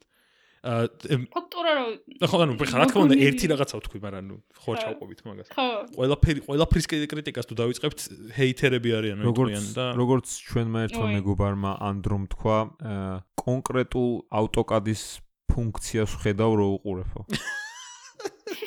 რაღაცას ჩამოშლი edits და ან ხო, აი effects კონკრეტული და- სახელი რო ქვია ხო რა. ხო ერთი რაღაც არის რა რაც ძა- ძალიან მომეწონა GPI-ზე რო თქვი და ეგ არ მინდა ანუ განცხადებაზე რო თქვი ანუ აა როცა წერ რექტორის სახელზე. განცხადებას ხო, განცხადებას ეგ ეგ წერ ყველაზე მაგარი დეტალი არის მე მგონი რაც რაც შევიტყვე. ერთხელ პირველ კურსზე ვიყავი. აუ ეხა ისე გამოდის რომ ძალიან ბევრი რაღაც მომსა გეპენი, მაგრამ ესენი ყველაფერი მართალია. ანუ მაგას მე მგონი ზოგადად ანუ ზოგადად ეგ უნდა გასაგები იყოს რა ადამიანისთვის ხო, რომ როცა ხო. პრობლემებზე ვსაუბრობ პრობლემებზე იმიტომ კი არ ვსაუბრობ რომ ბოროტი ვარ და მგონია რომ საშინელება არის უბრალოდ რაც კარგად არის იმაზე რატო ვისაუბრებ ხო ანუ ვიცი ხო, რომ ძალიან კარგად ბევრი არის. რაღაც მომცაშიც ძალიან ბევრს მართლა არ გულისხმობ, ანუ ადამიანებს და რა- რაღაც სფეროებში დიდ განათლებას და იმაშიც დამარკვია რა საკუთარ თავში. ეგ ეგ ქნა აი, ეგ არის რა. ის არის რომ რექტორის სახელზე დავწერე განცხადება დამჭირდა, იმიტომ რომ რექტორს დაავიწყდა ქულის შეტანა მაშინ რა ქვია. ხო ხდება ხო ბაზაში და პირველ კურსზე ვიყავი ჯერ და არ ვიცოდი რა ჯოჯოხეთი ადმინისტრაციულ პროპორში მგონი არც ვიყავი შენასულელი მანამდე რო შედიხარ პირველი ის არის რომ ნუ მაშინ ძალიან დამამახსოვრდა და ეხლა შეიძლება მასზე არ არის და არავის არ ვესხმი თავს მაგრამ ეკლესიის სუნია რა რო შედიხარ საკმეველი არის ანძლი ტრიალებს და ან- ანთებული ან შეიძლება რამე დღესასწაულზე შევედი ვერ გეტყვი მაინც უნივერსიტეტია სამება არ არის, რა ვიცი. რამდენ რამდენად ამართლებს არ ვიცი, მაგრამ ხო. აა ცალკე აქვს ხატების კუთხე. ხო და ჩემი ფაკულტეტიდან დაწერილი განცხადება წავიღე კანცელარიაში და იქ მითხეს რომ აქ დატოვეო. კაი მეთი დავტოვე და რამდენიმე დღის მერე რომ ნახე რომ ბაზაში არ სწორდებოდა და არ სწორდებოდა ეს ქულა ჩავიცვი და ახლიდან ეს არის უკვე როგორი ზაფხული, იცი, აი აგვისტო რომ მოდის და რაღაც ეგეთი. ჩავიცვი მივედი კიდე ახლიდან და აღმოჩნდა რომ ის განცხადება რაც დავტოვე. ჯერ ეწერა იმის სახელი ვინც დაწერა განცხადება და მე ეწერა ვის სახელზეც და- დაწერეს. და რახან კანცელარიაში ავტომატურად კითხულობენ ხოლმე პირველს ანუ ვის სახელზეც იწერება და ჩემი ინვერსიულად იყო ეს გადააგზავნეს სადღაც და- დადეს რა სადღაც რა. და ემ, მაცი ვარზე მიაგრეს ხო და მივედი ჩემი განცხადების საძებნელად, ანუ წარმოიდგინე. მითხრა რაღაც ოთახში შემიშოს რა, მეთქი აი რექტორის სახელზე დავწერე განცხადება და რაღაც ოთახში შემიშოს მართლა ვან და მითხრეს რომ აი აქ არისო განცხადებებიო და მიდი მოძებნეო. და რაღაც ოთახში შევედი რამდენიმე დღის მერე იმის მერე რაც განცხადება ჩავაბარ და ვეძებდი ჩემ განცხადებას. ძალიან მაგარი არის რომ ანუ უბრალოდ ქვიათ სახელი მაგრამ რეალურად შენ უნდა გააკეთო ძირითადი საქმე რა და თან რატომღაც რომელიღაც საათამდე არ ცალიათ ხო თუ რაღაცა? ხო, 2 საათამდე არ ცალი. 2 საათამდე არ ცალიათ მიქაელ გაიგე? ეგ ეგ ჩემს ეგ ჩემს ფაკულტეტზე ერთ თვითონ ის რომ 2 საათამდე ვერ ვერ შეხვალ ანუ სტუდენტები ესე იყო ყოველ შემთხვევაში რომ მე უყვები ხა დაახლოებით 2 წლის წინამდე ვამბობ. ხო. 2 საათამდე სტუდენტი ვერ ვერ შედის ფაკულტეტის იმაზე ადმინისტრაციაში, იმიტომ რომ ორ საათამდე სტუდენტები არ მიიღებიან. ვინ მიიღებო? არ ვიცი. იმიტომ მე მე ყოველთვის სტუდენტის ამპლუაში მივდიოდი ხოლმე და ამიტომ არ ვიცი. რა მაგარი რაღაცაა რომ კი ძალიან. სავას ოთახში გიშვებენ და გეუნებიან რომ რაღაცა. აი კიდე ისიც. იმენ ფორტ ბოიარდი არის. კი, მართლა. თან პირველი корпуსის სეტინგი მართლა ფორტ ბოიარდს გავს ძალიან. ოღონდ ძალიან და ინტრიგა პირველი корпуსის განლაგებაზე და იმაზე. მე მგონია რომ ვისაც აინტერესებს მართლა ძალიან საინტერესო შენობა. იმას აღარ ვიტყვი რომ ნამგლის და უროს ფორმა გეგმაში. მოიცა რა რა რა რა უკაცრავად? ხო ეგ აა ხო პირველ корпус ნამგლის და უროს ფორმა აქვს გეგმაში იდეაში. თლად არ იკითხება გეგმაში ეგ. ხო. ეგ ვიცოდი. ამ თლად არ იკითხება მაგრამ რაღაცეებზე ამჩნევ რომ მე რა ხო ხო. ეხლა მახსენდება კიდე ის რომ სამეცნიერო კონფერენციებზე რომ რეგისტრი არ ვიცი თქვენთან როგორ რეგისტრირდებოდით? სამეცნიერო კონფერენციაზე. რავი, ცალკე სამეცნიერო კონფერენციას ცალკე დასარეგისტრირებელი ქონდა ალბათ. ой, ხო. არა, თქვენთან იყო ერთი ერთი ვერ წხვდები ახლა პრობლემა რა უნდა წამოჭრას ანუ მართლა ის რომელ ის რომელშიც ის რომელსაც უნივერსიტეტი ატარებს თვითონ. ხო მაგრამ ანუ ანუ ხო მე ანუ რახან რავი მეილი გაქვს მოგდის დააჭერ და ხო რა ლინკ ო მეილი ხო ანუ ჩვენ ხო და ვერ ხვდები ანუ აბა როგორ ანუ რა რანაირად ყარა წერ თეზის ჯერ. აა თეზის თარგმნი ინგლისურად. აა ბეჭდავ ამას ყველაფერს. მე დისკზე გადაგაქეკ თეზისი. დისკი ხო დისკზე გადაგაქვს. დისკზე გადაგაქ ეს ხდება 2015 წელს. აა დისკზე გადაგაქეკ თეზისი და კიდე რაღაცა გადაგაქ დისკზე. აღარ მახსოვს და ეს ფაილში ჩადებული ამობეჭდილი თეზი და დისკი მიგაქ პირველი корпуსიდან იმაში ადმინისტრაციულ корпуს და გეხარ უზარმაზარ რიგში, სადაც არქიტექტორები, ინჟინრები, იურისტები ყველა ერთად რეგისტრირდება ტექნიკური უნივერსიტეტის კონფერენციის იმაზე, აი ყველა სტუდენტი და არის უსაშუალო რიგი მაგისტრის ცალკე დღე უნდა გამოყო. ან როცა პროსტა შეიძლება რომ რაღაც ფორმა შეავსო, მაშინ რა ქვია, აი ძალიან მარტივი როცა შეიძლება რომ გქონდეს მეილი, მოგივიდეს ლინკი, დააწვე, გადახვიდე და დარეგისტრირდე, ანუ ხო, უბრალოდ რაღაც ფორმა შეავსო, ეგ ხო ძალიან მარტივი რაღაცების გამოსწორება რაც შეიძლება და ვერ ხდება. მე თან იმ ადამიანსაც ვინც იბარებს ამ დისკებს ნერვები ეშლება. აუში სად მიდის ეგ დისკები ნეტა? ხო, მაგ დისკს ანუ ეგ დისკი ხო უბრალოდ თამაშობს იმას რა ქვია, ნინძობანას და ის. ანუ ანუ ეგ დისკები ხო რეალურად ოდესღაც იყო ინფორმაციის შენახვის სავალდებულო ფორმასავით ელექტრონული რა, იმიტომ რომ კარგი ფლეშკები მაშინ რაღაც არ იყო და თუ როგორც ქვია მაგათ და ანუ უბრალოდ დარწმუნებული ვარ რომ არავინ მაგ დისკებს მე რაღაც აქტიურად არ იყენებდა რა მაქსიმუმ აი ძალიან ინტერნეტი არ იყო მარტო ეგ არის რომ ინტერნეტი არ იყო ხო რა ანუ აი მართლა რა როგორ შეიძლება ანუ მესმის ეგ. ნუ კაი. შეიძლება გპ-ში ინტერნეტი ახლაც არ არის. არა ინტერნეტი არის. უი კაფეტერია და რაღაც ეგეთები გააქვთ მე რო ვიყავი არ იყო კაფეტერია. მე მივედი უკვე მაგისტრატურაზე. ახლა მაგისტრატურაში ძრო გეპეში ჩავაბარე, ეგ ძალიან кай დეტალია. ამდენი იმედგაცრუების და რაღაცის მერე. აა ხო, იმიტომ რომ იდეა რაც მაინტერესებდა კონდათ იქ და ვიღაცებთან ხედავდი ჩემ თავს და ჩავაბარე მაგისტრატურაში მან ხადა. ამ ეხა რომ მივედი ბოლოს იყო რაღაც კაფეერიასავით გარეთ გასასვლელი.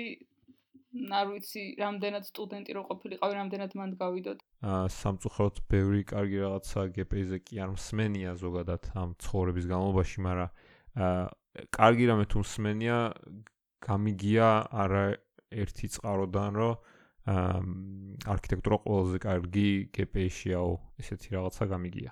ჩვენი მეგობარიც ანდრო მანდ იყო ანუ მან დაამთავრა. აა არქიტექტურის მეცნიერებათა აკადემია მე მაგისტრატურა გაიარა გპ-ში და თქვა რომ გპ უკეთესი იყო. მმ. შეიძლება. არ არ ვიცი მე რახან მარტო გპ-ის გამოცდილება მაქვს ვერ ვიტყვის ხებს რომ ან უარესია ან უკეთესია, იმიტომ რომ მარტო გპ-ის გამოცდილება მაქვს იდეაში. და მეც გამიგია მსგავსი რაღაც. მაგრამ ნუ რო გითხრა რომ ძალიან კარგია, რა თქმა უნდა არის პრობლემები როგორც ყველა თავარი პრობლემა მე მგონი ის არის რომ სახელმწიფო უნივერსიტეტში. თავარი პრობლემა მაინც რა ყველგან რო დაფიქსდე ის არის რომ უბრალოდ ძალიან ძალიან ძალიან მარტივად რო შეიძლება რაღაც ორგანიზაციულად შეიცვალოს და დაალაგდეს. არავინ არ არავინ არ ინდომებს რა ანუ რა უნდა ეხა მეილების გაკეთებას ანუ მართლა დღეს რა. ფული გადაუხადე ბოლო-ბოლო ვიღაცა ადამიანს ვინც ეხა ეხა თან ცოტა შემეჭვა რომ მე არ მქონდა მეილი თუ მართლა არის ხა მეილი. ანუ კაი რა მნიშვნელობა აქვს? თუ ხარ ადამიანი ვინც აი გარიცის უკვე თუ მეილის გარშე შეძელი დამთავრება, ესე იგი პრობლემა. ხო. აი, მე მგონი ნელ-ნელა ბოლოსკენ წავიყვანოთ ბასი.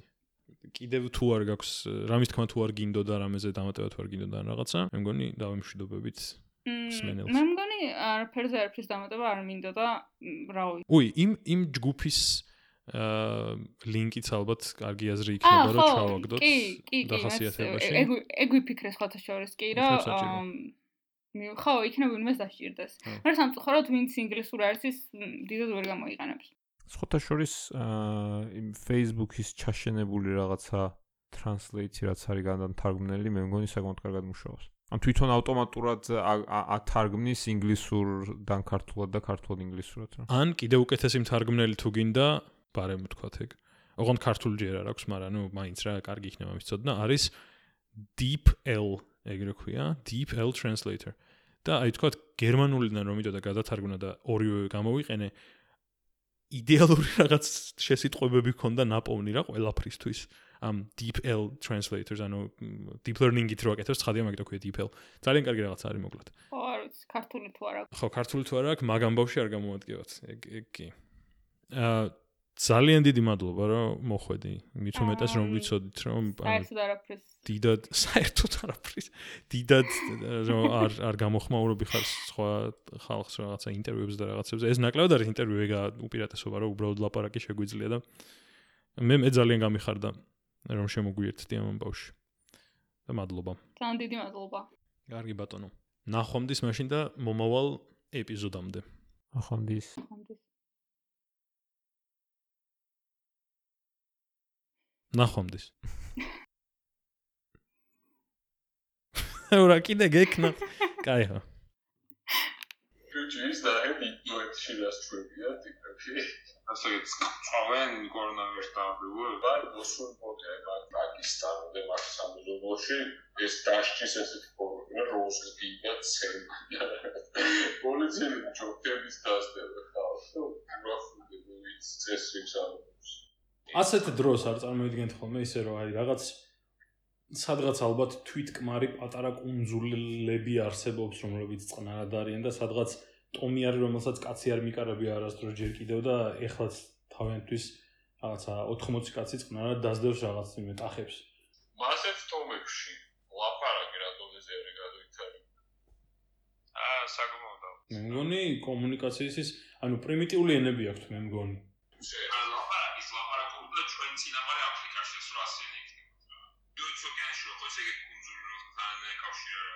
აჰა. იმიტომ რომ ეგრევე გეშენ ისებს და თან რომ შევიდეთ ეგრევე დავხოცავთ რა ამ ვირუსების გამოს. ხო. უი, წეღავნა მეთქვა დამოვიწყდა იმაზე გიფიქრიათ რომ ან დაგიფიქსირებიათ ან დაგიკითხავთ რომ დრო დროში მოგზაურობა რეალისტურად ანუ ფიზიკის კანონებით კი არა ისე ადამიანურად რა ასე ვთქვათ დამატებით სირთულეს რა შეიცავს იცი? წარსულში თუ წახვედი სავარაუდოდ დახოცავ ყველას იმიტომ რომ ძალიან მუტირებული ისინი გექნება ვირუსები და ბაქტერიები. მომავალში წახვედი სავარაუდოდ შენ მოკლავს ეგ მუტირებული ვირუსები და ბაქტერიები. ესპანელი და პორტუგალიელი რომ მოგზაურობდნენ, აი გზაში ყველას ფრიდავდნენ მაგისგან. ხო, ბაზარი არა, რასაშია. ვიცი, ვიცი კი. ყველა ხოცავდნენ ლავ. აუ, ის გამახსენდა მაგაზე. მე მგონი ყველაზე მდიდარი ადამიანი იყო დედამისის ისტორიაში, რაც ვიცი, რაც ვიცი, თო მანსა მუსა ეგრე ერქვა. აი ხო იცი, ქართლის ცხოვრებაში სამემონი ტიპიახზე. ვა. ხოდა აი ის გამახსენდა რომ სადაც გაივიდა და ძალიან ბევრ ფულს არიგებდა რა ბევრ ოქროს და სულ ყველა ქვეყანაში ინფლაცია და დედის სახის წიუტი გამოიწვია ვაფშე. სადაც გაიარა. შენ რო თუ მიქა ესპანელებზე. აი ხო მე სპეციალურად აზრშოები ბრიტანელი ჩtildeოეთ ამერიკაში ინდიელებში ხატვის ტერიტორია აა გამარჯობა ხელი ჩავმართვი და ხოცა მართლა ხო და დაიფიცირებულ რაღაცებს რაღაცებს პროდუქტებს რაღაცებს რა ეს ცნობილი ამბავი ისტორია ჩtildeო ამერიკელი და ეხოცა და აი აუ ეცი სადაც აბუჩი ცოცხი არ მაქვს ძალიან გიშკა ჩუსტი თუ და